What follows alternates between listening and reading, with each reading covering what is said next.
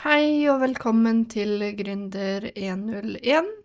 Det her er Monica, og i dag så hadde jeg tenkt å snakke litt om AI og bruk av AI i bedriften.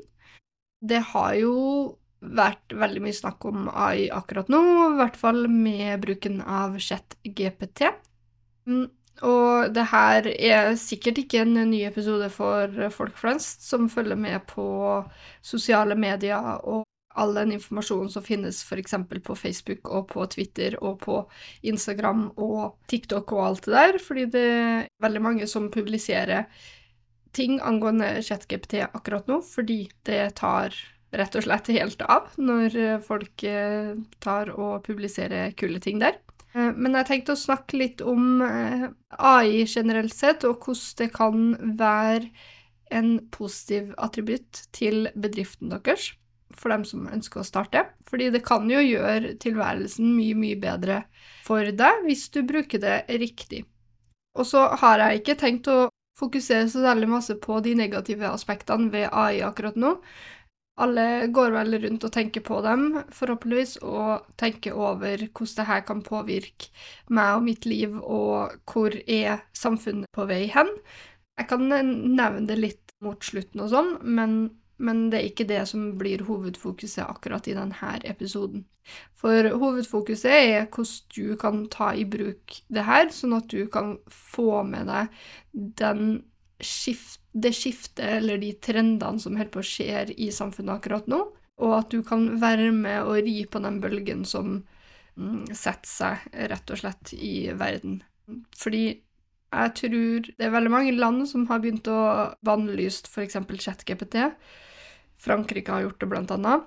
Men jeg tror at det blir veldig vanskelig å bannlyse AI akkurat nå, og da burde man heller prøve å finne ut de riktige måtene å bruke AI på. Uh, ja. Så, og jeg tror ikke Norge kommer til å bannlyse ChatGPT eller AI den nærmeste framtid, så frem det ikke går utover GTPR, GDPR-rettighetene til folk, rett og slett. Uh, ja, så jeg bruker jo AI i min bedrift uh, noen ganger. Mm, noen ganger veldig masse, andre dager litt mindre, men jeg bruker det til rett og slett masse forskjellige ting. Jeg får den til å hjelpe meg med ord noen ganger, hvis jeg ikke vet hvordan jeg skal formulere noe og syns at oi, det her var en dårlig formulering, så limer jeg det rett og slett inn i ChatGPT og ber den om å omformulere setningene mine eller teksten min. Det fungerer veldig bra. Og selvfølgelig så redigerer jeg jo alt i etterkant også, men ChatGPT er utrolig god på tekst, um, og den er utrolig god til å hjelpe deg med tekst. Og så handler det rett og slett bare om å ta og justere og modifisere teksten der man føler det behov, og for å legge til litt ekstra forklaring og litt ekstra refleksjoner sånn underveis der det passer seg. Det er jo noen ganger jeg har sett at den formulerer seg litt sånn robotaktig, eller litt rart, kanskje litt sånn mer sånn som kanskje man ville ha snakka i USA, men ikke i Norge, liksom. Da, da endrer jeg jo selvfølgelig også det.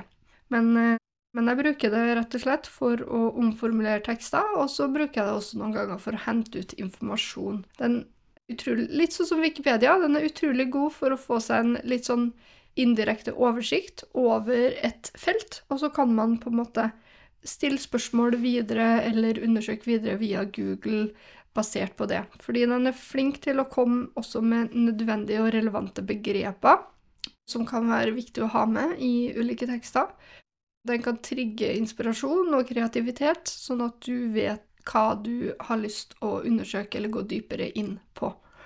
Så det bruker jeg den veldig ofte til. Det er ikke sånn at jeg tar og så ber ChatGPT om å skrive en tekst til meg, og så kopierer jeg og limer den inn i ulike dokumenter eller på nettsida, og så er jeg fornøyd og ferdig med det. De tekstene blir ikke bra i det hele tatt, og det merker bl.a. Google, om folk merker det. Så man må jo selvfølgelig bearbeide de tekstene man får utdelt også, og rett og slett lese gjennom. Vi blir litt latere med å bruke AI, det vil jeg si, fordi at man spare krefter der man egentlig ikke trenger det. Men på samme tid så må man ikke bli altfor lat heller. Man må gjøre siste del av jobben, siste finishet, det må man uansett gjøre før man gir fra seg et produkt, og det er viktig å vite. Og så andre ting jeg bruker ChatGPT til, det er jo programmering. Altså, noen ganger hvis jeg er litt usikker på et felt eller tema, eller rett og slett har jernteppe, så tar jeg og sender et spørsmål over til ChatGPT, og så tar jeg og ber den om å komme med et eksempel til meg, f.eks. Og de er veldig fine der på bare for å få et lite hint på veien. Den syns jeg er veldig, den er veldig flink til. Og så er den også veldig flink til å forklare koden sin, så man kan rett og slett lære av ChatGPT. Og så er veldig flink til å debugge kode, så hvis jeg har eller annen, et eller annet problem, og det jeg vil skal fungere, ikke faktisk ikke fungerer, og jeg har sett meg blind på koden min og ikke orker å bruke mer tid på det, så limer jeg rett og slett koden min inn i ChatGPT, og så spør jeg om den greier å se feilen jeg har gjort her. Og da, i de fleste tilfellene, så greier den faktisk å se feilen som jeg har sett meg blind på, og så greier den å fikse problemet. Men så er det ikke alltid sånn at den klarer det hele tida. Blant annet så holder jeg på å debugge en app for Android det har kommet noen oppdateringer der som gjør at jeg må oppdatere appen. Og den er klart, og jeg satt og satt og satt med den debugginga og klarte ikke å finne ut av det. Fant nesten ikke informasjon om det på Google heller, fordi det er et relativt nytt problem. Og da tenkte jeg OK, greit, men da kom jeg på at da kan jeg jo spørre Google. Nei, ChatGPT, mener jeg. Og til og med ChatGPT greide ikke å gi meg det riktige svaret på det her problemet. Og den uansett hva jeg spurte, så greide den liksom ikke å feede meg det riktige svaret. Og da kom den jo med for, ulike forslag og sånn, og noen av forslagene var helt lik det som var min løsning og sånn. Og da er det jo viktig at du, man på en måte også gir ChatGPT feedback om at det her er ikke det jeg ser etter. Husk at det her er en AI-læringsmodell som har lyst til å lære av det som de finner på Google, og den lærer av de menneskene den snakker med, rett og slett. Og da er det jo viktig for oss mennesker å faktisk si ifra når den gjør feil også. Men jeg endte faktisk opp med å ikke bruke ChatGPT der. Eh, og jeg fant heldigvis ut av problemet. Utrolig glad man blir når man finner ut av et problem. Men, eh, men jeg endte rett og slett opp med å ikke bruke ChatGPT. Og det, det, som jeg tenker noen ganger også, er litt sånn faren med det her. Hvis man ikke bruker sin kritiske sans, så kan det være at man gjør enkle ting vondt verre. Man må, alt, man må ikke ta alt det ChatGPT sier, på god fisk. Man må alltid vurdere det som står der, og finne ut, eller tenke seg om, da, om det her faktisk stemmer, eh, det man skal gjøre. Fordi det å gjøre ting som man ikke har peiling på, og så ender det opp med å ikke stemme, da er det veldig, veldig vanskelig å reversere den prosessen også. Så det, det er veldig viktig å vite. At man må fremdeles ha sitt kritiske sans her. Eh, men det jeg har merka når jeg holder på å snakke med ChatGPT, og sånn, er at det er veldig veldig viktig å komme med gode formuleringer. Jo bedre formuleringer og jo bedre presiseringer man eh, feeder ChatGPT-en, jo bedre svar får du. Og her handler det litt om å være kreativ også, og nevne litt til ChatGPT om hva du er ute etter, hva målgruppa di er, hvilken tonefall skal den teksten ha, hva for slags aldersgruppe skal de skrive til. Sånne ting kan man eh, fint gi inn, men det er fremdeles også veldig viktig at man spesifiserer instruks for ChatGPT for å kunne utføre den oppgaven.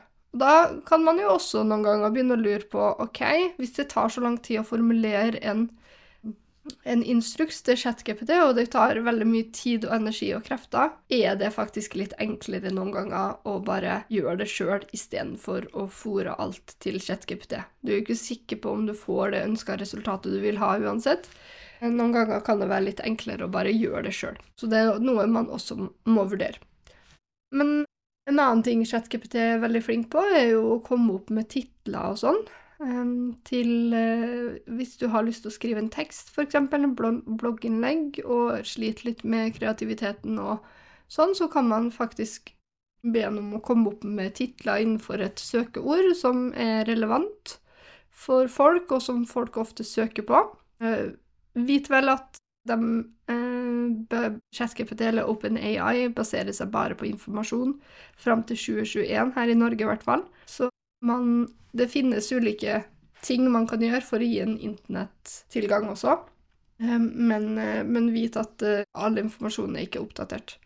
Men ofte så er det jo sånn at alle nøkkelordene man ønsker å skrive et tema på, eller man, det temaet man har lyst til å skrive en tekst på, det er jo ikke noe som er oppfunnet etter 2021, men det er greit å vite, i hvert fall. I tilfelle det skjer noe veldig, veldig nytt den seneste tida.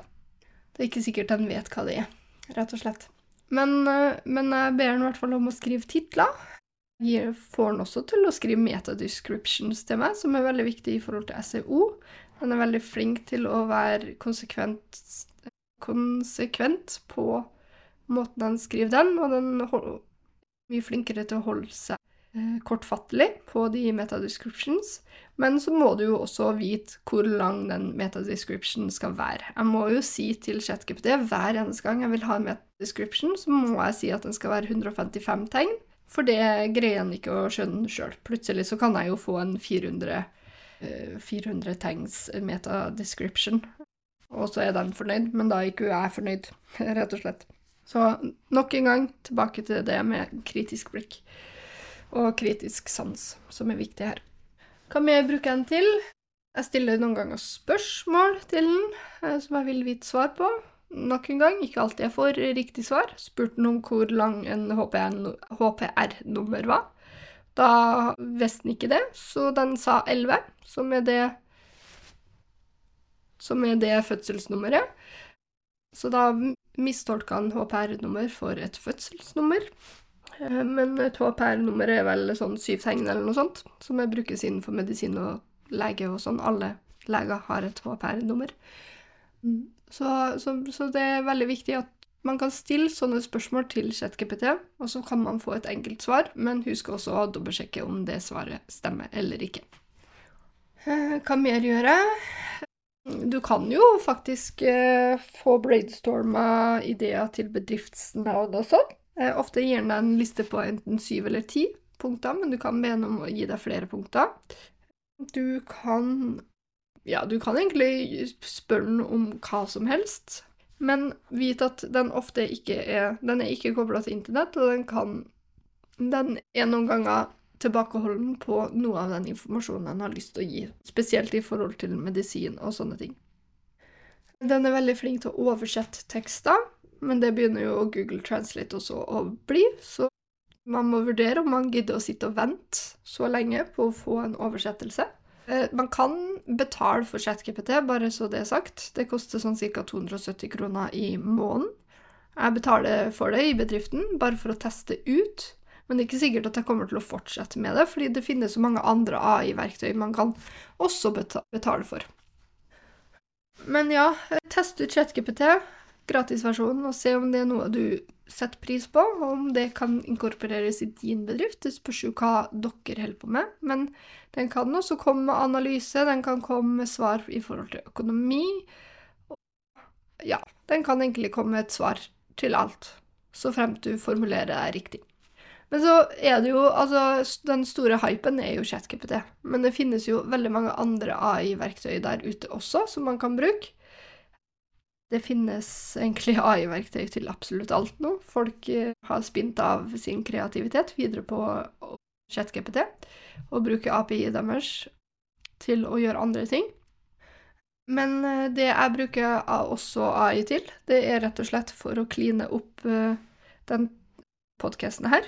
Før jeg redigerer den, så sender jeg den til gjennom cleanvoice.ai, og så får jeg den til å fjerne bakgrunnsstøy og veldig lange pauser og sånne ting. Ikke alltid jeg syns den er kjempeflink på det her, men antar at det også er fordi den har trent seg opp på engelsk språk og ikke norsk. Men har jeg snakka engelsk, så har den kommet til å fjerne f.eks. sånn filler words og stutters og sånne ting som kanskje er litt mer Den er trent opp på i forhold til amerikansk og britisk aksent, f.eks. Men jeg syns den er flink på å kline bakgrunnen og få støyreduksjon til å minimeres. Og så må jeg ta, gå inn rett og slett og noen ganger redigere på egen hånd også. Men jeg sparer meg sjøl i hvert fall mye mer tid. Og den kosta meg 110 kroner eller noe sånt i måneden. Og jeg har rollover på kreditten og sånn. Så den er ganske genial. Andre ting jeg har sjekka ut, er man kan faktisk få laga generert logoer gjennom AI. De syns jeg er ganske fine. Det finnes veldig mange forskjellige nettsider for det her. Som det er bare å skrive logo AI, så får du ulike forslag. Men den syns jeg kan være ganske genial, bare for å få litt inspirasjon eller innspill, f.eks. Eller ved å faktisk kjøpe det. Man kan rett og slett kjøpe et, en AI-generert logo. Mm. Og så finnes det jo veldig mange andre verktøy man eh, kan bruke. Um, hva var det jeg så her, eksempel? At man har um, Ja, man har andre også verktøy for f.eks. tekst. Man har jasper.ai. Og så var det Åh, hva var den jeg så på? Du kan ha For presentasjoner så har du slides AI. Design, så har du Looka. Mm, du har så mange forskjellige ting, så det er bare å, å dobbeltsjekke det. Og de er sikkert helt geniale på hver sin måte, og de sentrerer jo seg mot én ting. sant? Akkurat sånn som ChatKPT sentrerer seg mot tekst, så har Clean Voice sentrert seg mot å redigere videoene Nei, teksten din. Og Nei, redigere lydfilen din, og så har Luca fokusert på design, og Slides AI fokuserer på presentasjoner og sånn. Eh, så det, det, finnes så mange forskjellige ting man kan bruke her, som er ganske genial for å gjøre livet ditt litt enklere. Men så, må, så har du jo også en pris, da. For eksempel den der Jasper.ai koster jo 49 dollar i måneden eller noe sånt. Og jeg antar at Luca og Slides.ai koster sikkert det samme. Så hvis man skal plutselig bruke alle de greiene, da, som har en sånn månedsabonnement, så blir det jo plutselig veldig, veldig dyrt. Um, og jeg syns egentlig ikke den Nå var jeg på forsida til Slides.ai, jeg syns egentlig ikke den er så særlig kul. Den koster 136 kroner i måneden. Mm. Da begynner jo Microsoft holder på å inkorporere AI sin Office-pakke, så da kan det jo være mye bedre å vente og se om den er mye bedre istedenfor. Uh, Jasper.ai koster Du får 10 000 ord gratis, men den koster sånn cirka starter er 49 dollar i måneden, f.eks. Så det, det, begynner jo plutselig å være en del her, da, som, eh, som kan på en måte plutselig generere en del utgifter. Så man prøver gjerne ut ulike AI-verktøy, og så vurder om det faktisk er verdt å bruke pengene på eller ikke. Det fine er jo at de har en sånn gratis greier, men det ender jo opp med at man blir litt avhengig av det også. Eh, og man blir trigga til å kjøpe, og impulskjøping. Så vurder det litt. Og så finnes det jo sånn Man har jo ulike sånn CRM-programmer, slik som eh, Notion og ClickUp. De har nå inkorporert AI i sin, sin eh, pakke. Microsoft kommer til å gjøre det. Google kommer mest sannsynlig til å inkorporere AI i Googles sin søkemotor. Bing har allerede gjort så det er bare å sjekke ut. Og så er det jo veldig mange andre ting som også etter hvert kommer til å eh, hjelpe, da. Som, som, man kanskje allerede betaler for. Så, så, noen ganger så skal man også ha litt is i magen og vente litt på de produktene som på Som du allerede har, da, som kanskje etter hvert blir utvikla. Um, ehm, men eh, altså, veldig mange har jo gått over til sånn månedlig abonnement på ulike ting. Det er vel og bra for dem, fordi det betyr at de mest sannsynlig har en god business og får en månedlig inntekt som gjør til at de kan ha et behagelig liv og et forutsigbart liv. Men så er jeg også veldig fan av ulike uh, nettsider som faktisk har en sånn at du betaler for det du faktisk kjøper, da. Sånn som for eksempel logo. At du faktisk bare betaler for logoen én gang, og at det ikke er en månedsabonnement. Så prøv også eventuelt å finne de som er sånn her at du bare faktisk betaler for det du kjøper der og da, uten at det genererer på seg en lang kostnad i, med sånn månedsabonnement og bindingstid og alt det der også. Så det er veldig lurt. Um, ja. Uh, Zapier har også inkludert uh, AI. HubSpot har inkludert AI, så det blir flere og flere bedrifter som også inkluderer AI i sine produkter. Så det er vel verdt å sjekke ut. Så prøv å finne ut hva er det du bruker ekstremt mye tid på i bedriften din. Hva er det som er en stor kostnadspost hos deg? Og så ser du, kan du prøve å google det og se om det finnes en AI-verktøy eller ikke for det. Og hvis du faktisk ikke finner et AI-verktøy, så har du et perfekt anledning nå til å kanskje utvikle det også, og få noen til å utvikle et sånt AI-prosjekt. Det har jo vært veldig kult også. Ehm, men det finnes så utrolig masse man kan bruke AI til. Man må bare sette seg ned og tenke over det og undersøke litt. Det, det er verdt den der halvtimen eller timen du bruker faktisk på å undersøke de ulike områdene. Kanskje lærer du noe. Eh, kanskje finner du ut av noe som kan faktisk hjelpe deg i bedriften. Det her er litt sånn veldig avansert, men det finnes også en annen ting som ikke ligger på nettet, men som heter AutoGPT.